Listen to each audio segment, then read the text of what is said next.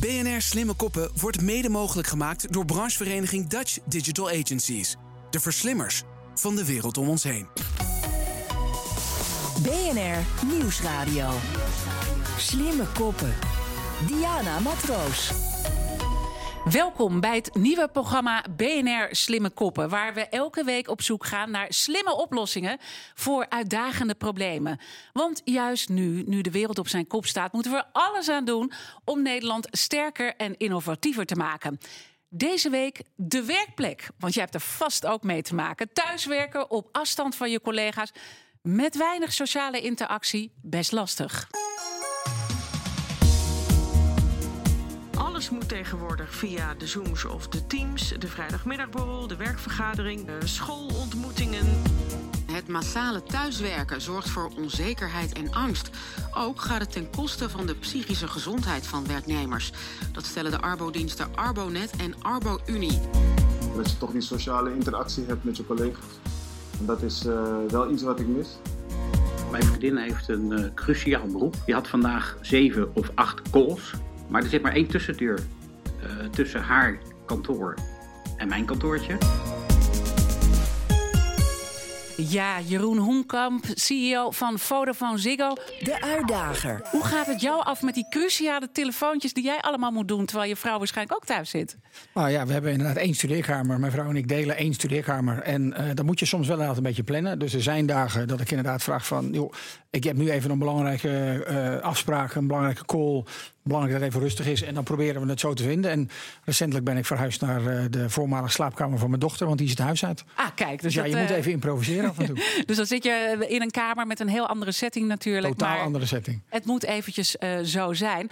Um, wat ik heel erg bijzonder vind bij jullie bedrijf. Jullie hebben onlangs aangekondigd als eerste bedrijf dat jullie gewoon echt voor de helft echt permanent thuis gaan werken. Ja, dat klopt.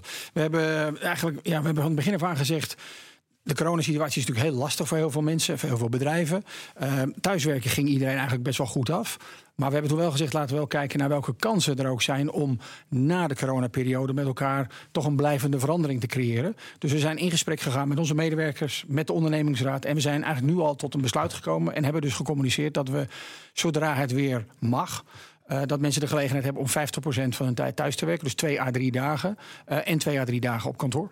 Ik ga straks meer praten met je over hoe jullie dat dan uh, precies invullen. Maar ik wil toch nog eventjes in het uh, waarom. Want uh, volgens mij wil je hier ook echt iets groters mee neerzetten. Maatschappelijke beweging op gang brengen? Nou, absoluut. Ik, ik hoop oprecht dat we over een paar jaar terugkijken en bij onszelf denken van... het is toch niet te geloven dat we tot 2020 gewoon allemaal elke dag in de file gingen staan... of allemaal op hetzelfde moment in de trein gingen zitten... om vervolgens allemaal de hele dag op kantoor te gaan zitten... terwijl dat veel efficiënter en veel effectiever kan. Ik kan me ook voorstellen dat het heel belangrijk is dat je je mensen perspectief hebt. Want dat horen we veel in deze coronatijd. Ook uh, als, als er naar de politiek wordt gekeken. Naar Rutte. Geef ons nou eens perspectief. Is dat ook wat jij als leider belangrijk Precies. vindt? Kijk, omdat we in die eerste fase dachten we... het is een paar maanden en dan wordt het zomer en dan komen we terug... en dan kunnen we eigenlijk weer terug naar normaal. Dan zie je dat dat niet zo is. En dan zie je toch ook dat heel veel mensen nu moeite hebben. Het is ook donkerder, kouder, natter.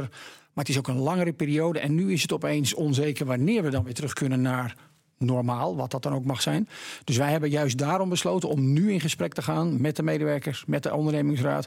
En dan ook nu te komen met een voorstel, wat we, een voorstel, een plan. Waar we zeggen, dat kunnen we dan gaan doen. Dus iedereen weet nu, zolang je thuis moet werken, moet je thuis werken. Maar daarna is er perspectief op een veel betere en wij denken een veel leukere en effectievere manier van werken. Oké, okay, ik wil later horen hoe mensen daar allemaal op reageren. Want dat is ja. eigenlijk voor de, voor de verre toekomst. Hè? Maar jullie hebben dat uh, nu al ingezet. Toch even terug naar het nu.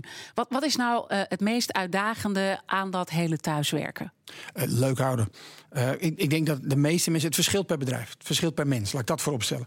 Uh, maar per saldo zien wij toch dat de meeste mensen de flexibiliteit hebben gehad om heel snel van voor primair op kantoor werken, toch opeens allemaal thuis. Heel mm-hmm. Nederland is bijna binnen een week thuis. En je ziet toch dat wij als mens wel in staat zijn om ons aan te passen. Nou, de technische middelen zijn er. Er is een goede digitale infrastructuur. Um, er bestaat een de middelen om het te doen. Dus functioneel hebben we de slag wel gemaakt naar... oké, okay, we kunnen thuiswerken, kunnen inbellen. En gaandeweg de tijd zie je dat mensen steeds meer moeite hebben met deels... de praktische kant van thuis. je hoort voorbeelden van twee mensen die allebei thuiswerken en niet voldoende ruimte hebben. Gezinnen met jonge kinderen, dat is lastig. Relationele uitdagingen, um, geluidsoverlast. Maar daarnaast is het ook vooral, ja, wij zijn toch natuurlijk hele sociale uh, wezens als mensen. Dus wij hebben behoefte aan menselijk contact. Ja. Dus juist jonge mensen bijvoorbeeld, die vaak alleen wonen, die zijn gewend om er elke dag op uit te gaan. En die zitten nu hele dagen thuis. En daar zit dus eigenlijk de crux. Functioneel kunnen we het allemaal heel goed doen. En is het eigenlijk ook best wel productief. Maar we missen eigenlijk de menskant, de interactie. En sommige dingen lenen zich gewoon niet voor een videocall. Als het heel persoonlijk is, als het heel creatief moet zijn. En daar proberen wij dus ook juist de balans in te vinden. Dat je kunt werken plaats en tijd onafhankelijk. Dus eigenlijk waar je wil, waar je zelf het meest productief bent.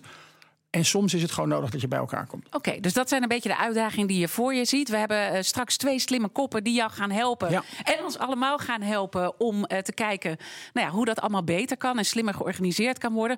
Overigens, uh, voor ook onze luisteraars, heel erg dank voor al die geweldige inzendingen met innovatieve ideeën. Maar er kunnen er maar twee hier pitchen.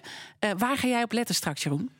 Nou, ik, ik ga enerzijds kijken naar um, hoe uitdagend, hoe anders, hoe vernieuwend, uh, hoe spannend is het. En tegelijkertijd uh, aan de andere kant ook kijken naar hoe praktisch uitvoerbaar is het. Wetende dat er bepaalde wetten zijn in Nederland, dat je ondernemingsraad hebt, dat je vakbonden hebt. En dat er ook gewoon ja, een bestaande infrastructuur is. Dus het is een beetje kijken naar hoe ver durven we naar voren te kijken en creatief te zijn. Maar tegelijkertijd kan het ook daadwerkelijk toegepast Is het haalbaar? Is het, haalbaar? Goed, uh, ik zou uh, zeggen, laten we maar naar de pitches uh, toe gaan. Want het is best spannend om hier je verhaal te mogen pitchen op BNR. Slimme kop 1. Dat is Dimi Albers. Hij is CEO van Debt Agency. jullie zijn een digitaal bureau met 1500 mensen die er werken over verschillende landen. Echt een gigantisch groot bedrijf. En jullie hebben moeten innoveren in crisistijd. Uh, ja, voor een flink gedeelte wel. Wij hebben het geluk, omdat we in 13 landen zitten, dat veel van ons werk al ja, best wel digitaal plaatsvindt. Want als je wil samenwerken met iemand in Denemarken, dan kun je dat niet altijd fysiek doen. Um, uh, dus we hadden het geluk dat we heel veel van de infrastructuur al hadden liggen. Maar net als wat Jeroen zegt, het hele stuk over hoe zorg je nou dat naast dat het efficiënt en effectief is, dat mensen het ook nog leuk vinden en dat mensen geïnspireerd worden en dat mensen interacteren op een manier die ze verrast. Dat is de grote uitdaging en um, daar werken we elke dag hard aan om, uh, om te zorgen dat dat lukt. Nou, ik denk dat het gewoon heel erg mooi is om jouw pitch te horen. Want je krijgt hier de mogelijkheid om te vertellen wat jouw innovatieve idee is. Ik zou zeggen, Dimi, ga je gang. Ja, het idee is eigenlijk best wel simpel. Wij doen normaal één keer per jaar een, uh, een, een event, dat heet Debt Festival. Drie dagen met al onze collega's uit alle landen op één plek. En dat is er om met elkaar te bouwen, om geïnspireerd te worden en om met elkaar verbonden te worden. Dat kan nu niet. Dus wij kwamen op het idee, laten we dat event van drie dagen naar drie uur uh, brengen. Maar drie uur achter een Zoom-call is knetter, knetter, knetterlang. Dus we hebben bedacht, als wij nou een platform kunnen creëren waarin drie uur drie minuten voelt, dan gaan mensen het wel leuk vinden. En dat drie minuten duren, dat hebben we gedaan door heel erg uit te gaan van hoe wil je als mens graag met anderen interacteren en hoe vind je het leuk om iets te doen. Dus dat betekent een simpel 3D-platform gecreëerd waarin we ons festivalterrein nagebouwd hebben, waarin je op elk moment 15 stages hadden waar verschillende dingen gebeurden, informatieve dingen die mensen tof vinden om over te leren en heel veel fun dingen. Die gewoon grappig zijn om even naar binnen te gaan. En natuurlijk de onvermijdelijke bar. Waar je at random met vier of vijf collega's lekker kunt kletsen. Elkaar kunt leren kennen. Omdat je elkaar nog niet kende. Omdat je in een ander land woont. Dat is wat wij gecreëerd hebben. Gekoppeld, je zijn het infrastructuur. Gekoppeld aan onze infrastructuur. Wat betekent dat het allemaal werkt, dat het secure is, dat het voldoet aan alle GDPR en dat soort dingen. En dat platform, ja, daar hebben we een event gecreëerd wat we leuk vonden. En um, daar hebben we, ja, we hebben een aftermovie op het internet gezet. En in één keer vonden allerlei andere bedrijven dat heel interessant. En zo ben ik hier beland. Nou, wat ontzettend uh, mooi. Dank je wel voor jouw uh, hele goede pitch. En we gaan uh, straks wat meer de diepte in. Dan gaan we je natuurlijk ook nog wat kritische vragen stellen. Zeker, leuk. Maar we gaan eerst naar onze andere pitch. En dat is Slimme Kop 2. Alex Malone van Meetings in the Sun.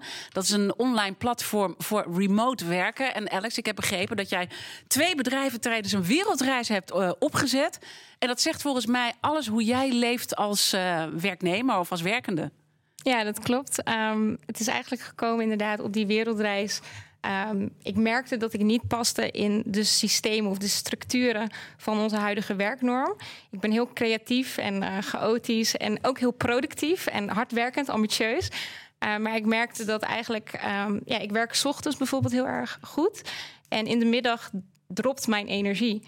En dan deed ik nog wel extra werk, maar dat was dan niet gebudgeteerd. Dus dat ja, die extra ideeën die kwamen dan op een, op een stapel die nooit het licht zagen. En op een deur dacht ik, ja, mijn brein is gewoon klaar. Ik, ik moet iets anders doen. Ik moet muziek luisteren, ik moet naar buiten, ik moet, ik moet weg hier. En dan kreeg ik zeg maar de, op, uh, de opmerking van, goh, werk je halve dagen? Dus dat, ja, dat leerde ik wel snel af. En toen merkte ik, ja, dit is gewoon ik doe al heel veel. Ik ben heel goed in wat ik doe, maar ik kan echt veel meer als ik gewoon zelf mag bepalen hoe en wanneer en waar ik werk. Dus ja, toen heb ik mijn eigen bedrijf opgezet. Dat heb ik gedaan tijdens een wereldreis. En toen heb ik echt heel erg naar mijn intuïtie geluisterd. En mijn hele dag eigenlijk ben ik in gaan delen zoals die het beste bij mij past. En ja, daardoor heb ik dus twee bedrijven kunnen opzetten tijdens een wereldreis. Nou, wat, ontzettend, wat ontzettend uh, bijzonder, dit verhaal. En uh, ik denk dat het ook wel uh, nou ja, iets zegt over hoe millennials überhaupt in het leven staan. Maar ik ga eerst natuurlijk vragen om ook jouw pitch te doen. Dat remote online platform. Wat moeten we daarover weten?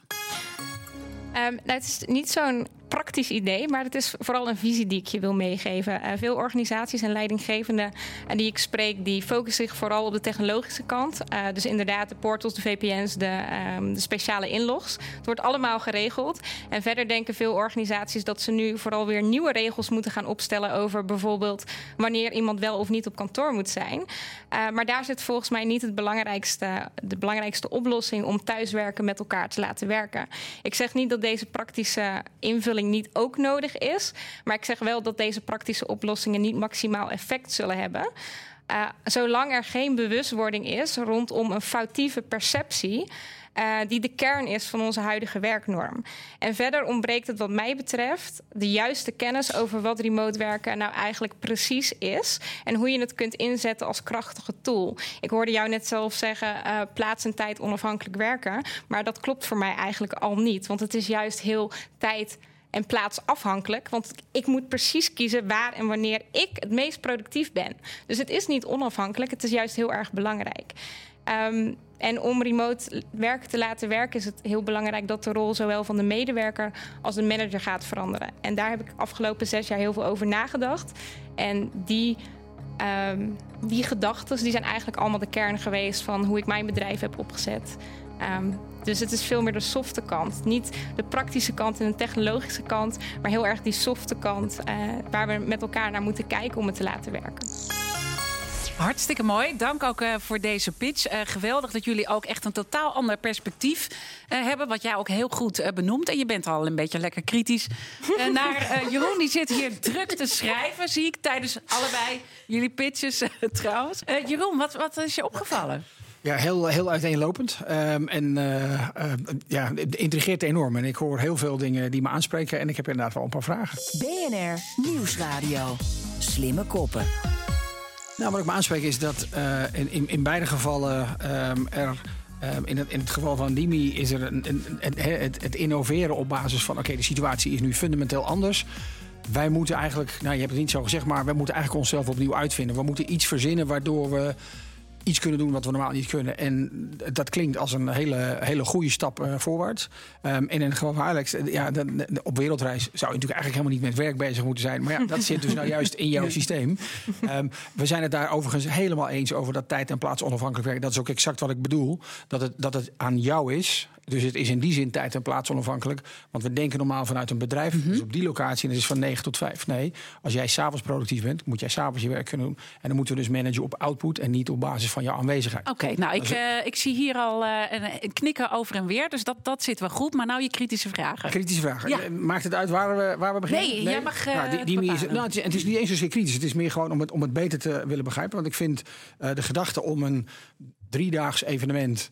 Wat juist natuurlijk gaat om menselijk contact en, en creativiteit. Om dat te proberen te vangen in een platform is natuurlijk heel uitdagend. Uh, het is wel interessant te zien dat jij inderdaad begint met platformen. En, en, en, en Dimi en Alex, jij juist begint met. Joh, die techniek die moet goed zijn. Maar het gaat eigenlijk juist om de softere kant. Nou, beide zijn heel belangrijk. Dus aan jou inderdaad de vraag, juist Dimi. Die technische kant, dat klinkt alsof je dat heel goed hebt. Hè? Je hebt het over GDPR, je hebt het over security. Ik ga er even vanuit dat je dat gewoon technisch helemaal dicht hebt zitten. Maar hoe, hoe maak je die softe kant nou echt voor mij als medewerker leuk? Want het is uiteindelijk toch weer zo'n virtuele borrel. En het is toch weer een ja. virtuele bijeenkomst. Ja. Ik zit toch weer achter dat scherm.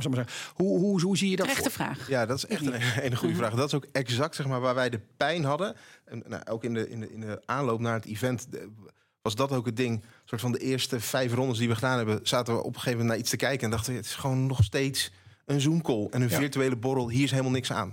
Dus wat we toen gedaan hebben, is we hebben eigenlijk heel het, het virtuele stuk hebben we helemaal losgelaten. En we hebben gezegd, wat zou nou een plek zijn waarvan ik het gewoon vet zou vinden om er naartoe te gaan? En toen zijn we een beetje uitgegaan van de normale festivalgedachte. En een normale festivalgedachte is dat je heel veel plekken hebt waar je naartoe kunt als jij het wil. Oh, pardon. Als jij het wil en als jij het ook ehm, eh, leuk vindt. Ja. En sommige mensen willen heel graag interacteren. Sommige mensen willen heel graag luisteren. Sommige mensen vinden de borrel en het dansen belangrijk. En sommige mensen vinden echt de diepe, gewoon, gewoon ja, bijna technische kennis Ja. heel interessant. Dus wat we daar gedaan hebben, is we hebben gezegd... we gaan een paar dingen doen. Eén is, we gaan een veelheid aan verschillende type ehm, momenten creëren... waarop je kunt kiezen wat je leuk vindt. Tweede laag was, we gaan verrassing toevoegen. Er zaten twintig plekken zitten erin waar je at random dingen ziet. Of het nou rare kattenfilmpjes zijn... of dat je met elkaar Netflix en chill kan gaan doen. Maakt niet uit wat het is. De derde laag die we gepakt hebben, is we hebben het fysieke eh, vastgepakt. Dus we hebben gezegd, we moeten ervoor zorgen dat iedereen in zijn slaapkamer, kantoortje, huiskamer, wat het ook is, iets fysieks vast kan pakken. En de twee dingen die wij gedaan hebben, één, Wat was dat fysieke dan? komt die? Ja? Twee, twee fysieke Ja, dingen. Het eerste ding was iets wat je vast kunt pakken en aan kunt trekken. Dus een sweater. Wij doen altijd bij ons jaarlijkse event dat iedereen een depth sweater krijgt. Hm. Die heeft iedereen thuisgestuurd Mhm. gekregen. Dus die konden ze allemaal aandoen. En het tweede, het is eigenlijk te gek voor woorden. Maar we hebben een deal gemaakt met een paar van de grote ehm, eetbezorgplatforms. Om ervoor te zorgen dat iedereen, want het is namelijk rond eet- en borrelstijd, borreltijd was van 4 tot 7. Dat iedereen wat te eten of te drinken kon Zijn eigen keuze. Dus oh, ik wil eigen of een keuze. Dus je kon naar, ja, dus naar de grote platforms die we allemaal kennen. Oké. Ik zal ze hier niet noemen. Daar kon je naartoe en daar had je fysiek je? iets. Nou, dit, dit helpt enorm, want dat, dat tastbare, dat is natuurlijk wel eh, heel erg belangrijk. Eh, het feit blijft natuurlijk dat ik in mijn studeerkamer, of in mijn geval de slaapkamer van mijn dochter, nog steeds aan een bureautje zit, naar een scherm zit te kijken. Maar je maakt het zo creatief mogelijk als het maar kan. Ja, weet je, het, en het is ook de anticipatie. En dat is het laatste misschien. ehm, Heel kort, ehm, ja. Anticipation. Dus ehm, naar een moment toe dingen bedenken waardoor mensen eigenlijk FOMO krijgen. Dus fear of missing out. Dat is echt het aller, allerbelangrijkste. Dus hoe zorg je ervoor door content te creëren, door mensen iets op te sturen, dat mensen erbij willen Ja. zijn. Oké, Ja. hartstikke mooi. Eh, Ja. Misschien nou de, de, de Ja. vragen aan Alex. Eh, ja, Alex, ehm, je hebt dit verzonnen toen je op wereldreis was. Ehm, je hebt niets gezegd over de grootte van de organisatie. Ehm, mijn vraag is eigenlijk van, ehm, als je dit alleen doet, dan werkt dit ongetwijfeld prima. Als je het met z'n tweeën of drieën doet, waarschijnlijk ook nog. Zou het schalen naar een, een, een bedrijf ter omvang waar, waar die mee over praat, waar, waar je met, met 1000, 1500 mensen gaat werken? Hoe zie je dat voor je? Ik heb geen bedrijf van 15.000 mensen. Maar Dat wil je waarschijnlijk nog niet, maar stel. Heel Maar- veel gedoe is dat hoor. Nou ja, volgens maar mij ben je wel in gesprek met ASML, toch? Ja, we zijn in gesprek met ASML en ehm, eh, we zijn daar aan het kijken waar lopen zij tegenaan om te kijken van oké, hoe kunnen wat Ja. wij hebben gedaan binnen ons kleine team van eh, vijf vaste medewerkers en twaalf freelancers waar we mee samenwerken, eh, hoe kunnen we dat daarin uitrollen? Ehm, wat ik heel interessant vind, ehm, is om dus de hele tijd te kijken van oké, wat, wat, wat is die laag daaronder? Hoe kunnen we inderdaad de hele tijd kijken met de, met de praktische tools die je hebt en waar zijn die problemen? Eh, om die dus terug te brengen naar waar komen volgens mij die problemen vandaan? En dat zit op een stukje die perceptie die ik dus net zei. Ehm, de perceptie van onze huidige werknorm is dat aanwezigheid gelijk staat aan productiviteit. En dat komt nog voort uit de industriële revolutie. Toen Ja. was het ook letterlijk zo: hoe meer mensen op de werkvloer, hoe groter de productie. En dat is wat we nog steeds van generatie op generatie geleerd hebben, Ja. omdat dat is begonnen waar we zijn gaan En samenwerken. zo ben je ook eh, zelf een keertje stuk gelopen als het ging om jouw werk. Hè? Dat, Ja, dat je exact. gewoon eh, er geklokt werd van waarom ga jij nu al naar huis en iemand anders krijgt die promotie. Ja, exact. Ja. exact. Dus mijn ambitie, daar werden eigenlijk vraagtekens bij gezet... omdat ik naar huis ging, terwijl ik had eigenlijk alles al af. En daar, daar werd totaal aan voorbij gegaan. En ehm, ik vind het wel eh, interessant, omdat het dus net ook ging... over dat stukje eenzaamheid of, of die, team, die teamverbinding. Ehm, en als ik daar dan aan denk, dan als ik kijk naar wat remote werken voor mij is. ehm, het is heel erg in verbinding staan met waar je zelf behoeftes aan hebt. Dus heel erg jezelf kennen en vanuit daar zo bepalen van oké, hoe ga ik mijn leven eigenlijk inrichten en hoe is werk daar zo een onderdeel van. Mhm. En als je daar dus naar gaat kijken, dan uh, moet je jezelf op een bepaalde manier leren kennen. Je gaat jezelf fuelen met energie. Het is echt een stukje energiemanagement. En dan kom ik ook bij, jou, uh, bij jouw pitch eigenlijk, Dimi. Want ik denk dus dat dat fantastisch werkt op het moment dat iemand zich al goed in zijn vel voelt. Want dan is het een extra toevoeging aan iemands leven. En dan is het niet van, oh, ik mis verbinding met mijn team. Oh, een werkgever die komt met dit uh, driedaagse festival. Oh, maar ik voel het nog steeds niet. Want ik geloof, ik vind het fantastisch klinken, maar ik denk alsnog dat daaronder nog steeds iets moet gebeuren bij de mensen. Dus je moet zelf. het veel meer individueel bepalen. En dan zit ik toch een beetje te denken ook hoe jij dat dan moet organiseren. Ja. En de praktische haalbaarheid ja. uh, van dingen. Jij refereerde ook even, die rol van die leider moet eigenlijk anders uh, worden. Uh, maar hebben we überhaupt nog wel sprake, is er nog wel sprake van een team? Want als iedereen op zijn manier gaat werken op het moment dat het hem uitkomt, omdat het nou eenmaal beter bij diegene past, wordt het niet een zootje. Nou ja, er is, er is een risico. Maar dat is, dat is ook wel weer tegelijkertijd het denken van mijn generatie. Die inderdaad, ik ga niet zo ver terug als de industriële revolutie, maar wel een tijdje. Um, en wij zijn wel gewend om traditioneel op kantoor te komen. En wij hebben het al twaalf jaar geleden omgegooid door te zeggen: we gaan ten eerste gaan we uit van vertrouwen. Als je mensen niet vertrouwt, heb je een heel ander probleem en dan moet je een heel ander gesprek hebben. Dus begin met vertrouwen. Dus ga niet zeggen, je bent er niet, dus wat ben je aan het doen? Tweede, uh, je moet gaan managen op output en niet op basis van aanwezigheid. Daarnaast moet je dan dus ook een hele andere leiderschapsstijl, een andere managerstijl gaan ontwikkelen. Want ten eerste moet je managen op output. Ten tweede moet je veel meer gaan coachen. Nou, als je die dingen doet, dan hoeft het helemaal geen zootje te worden als mensen vaker op een andere locatie zijn, op een andere locatie werken. Uitdaging blijft wel, uh, Alex. En daar kom ik toch nog even bij terug. Want ja. je, hebt, je hebt eigenlijk mijn vraag niet beantwoord. hoe, hoe schaalt het? En, en hoe, de, twee dingen eigenlijk. Want A, als je dat met vijf mensen doet of tien mensen doet, kan ik me dat heel goed voorstellen. Um, maar naarmate een bedrijf groot wordt, zul je toch enige vorm van structuur moet hebben, zul je toch af en toe met mensen bij elkaar moeten komen om besluiten te nemen. Ja. Of, en dat is eigenlijk het tweede punt, de moeilijkheid zit ook. Hoe zorg je ervoor dat mensen echt uiteindelijk allemaal. Wij, wij, hebben, wij hebben één hele duidelijke purpose. En wij hebben drie hele duidelijke waarden benoemd. En het is heel erg belangrijk dat mensen zich één voelen. En echt vereenzelvigen met dat bedrijf, met dat merk, met die waarden. Hoe doe je dat als je eigenlijk bijna nooit bij elkaar Alex. Ja, ik, eh, ik ben het ermee eens dat het niet, eh, dat het niet allemaal remote en eh, dat er inderdaad momenten zijn dat je echt bij elkaar komt en dat je weer die verbinding met elkaar hebt, ook in real life.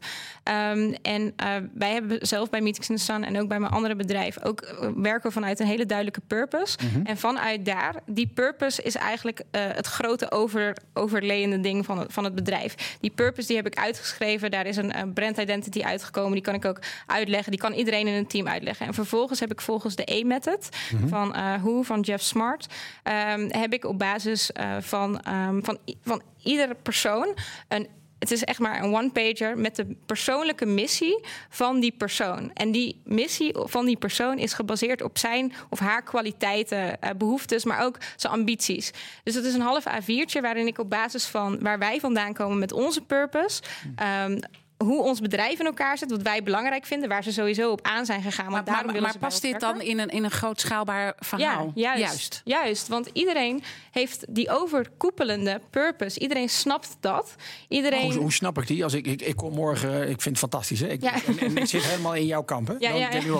En dan begin ik morgen bij jou met werken. Maar Ja. ik, ik werk thuis, jij werkt thuis. Ja. Hoe, hoe, hoe, hoe beleef ik jouw purpose? Nou, het begint al bij hoe jij bij mij terechtkomt. Ehm, ik ben niet op zoek naar jou gegaan. Je zegt het zelf ook in je voorbeeld. Je komt bij mij. Ik ben aan het delen over wat mijn missie is. Waarom ik het belangrijk vind wat ik doe. En vanuit daar zet ik mensen aan die denken van... wow, fuck, dat is interessant. Meetings in the Sun, wat jullie doen, dat, daar geloof ik in. En die komen bij ons. En dan ga ik vragen stellen. Oké, maar waarom wil jij hier aan bijdragen? Wat doe jij dan? Waarom ben je hier naartoe gekomen? Wat kun je bieden? En op basis daarvan schrijf ik een missie. Ja. Oké, het wordt, het, het, het wordt uit- eh, uiteindelijk wordt het een heel gesprek en een dialoog die je eigenlijk eh, op gang probeert Ja, te mooi. krijgen, volgens mij. En eh, die dialoog hier is ten einde. Dat is dan wel weer eh, ontzettend jammer. We gaan hier eh, in de aftermath nog wel even verder praten. Maar ik wil jullie voor nu danken hier op BNR. Jeroen Hoenkamp, CEO van Vodafone Ziggo. En de slimme koppen Alex Malone, zij is oprichter van Meetings in the Sun. En Dimi Albers, CEO van Debt Agency. Dit was BNR Slimme Koppen. Volgende week staat een slimme stad centraal. En dan kijken we ook naar technologie. Want hoe kan technologie de leefbaarheid in steden verbeteren? En hoe kunnen we ervoor zorgen dat die data ook goed gebruikt wordt? Houd intussen mijn LinkedIn-pagina in de gaten voor actuele oproepen. Mijn naam is Diana Matroos. Voor nu, dank voor het luisteren. Laten we Nederland samen slimmer en sterker maken. Tot volgende week.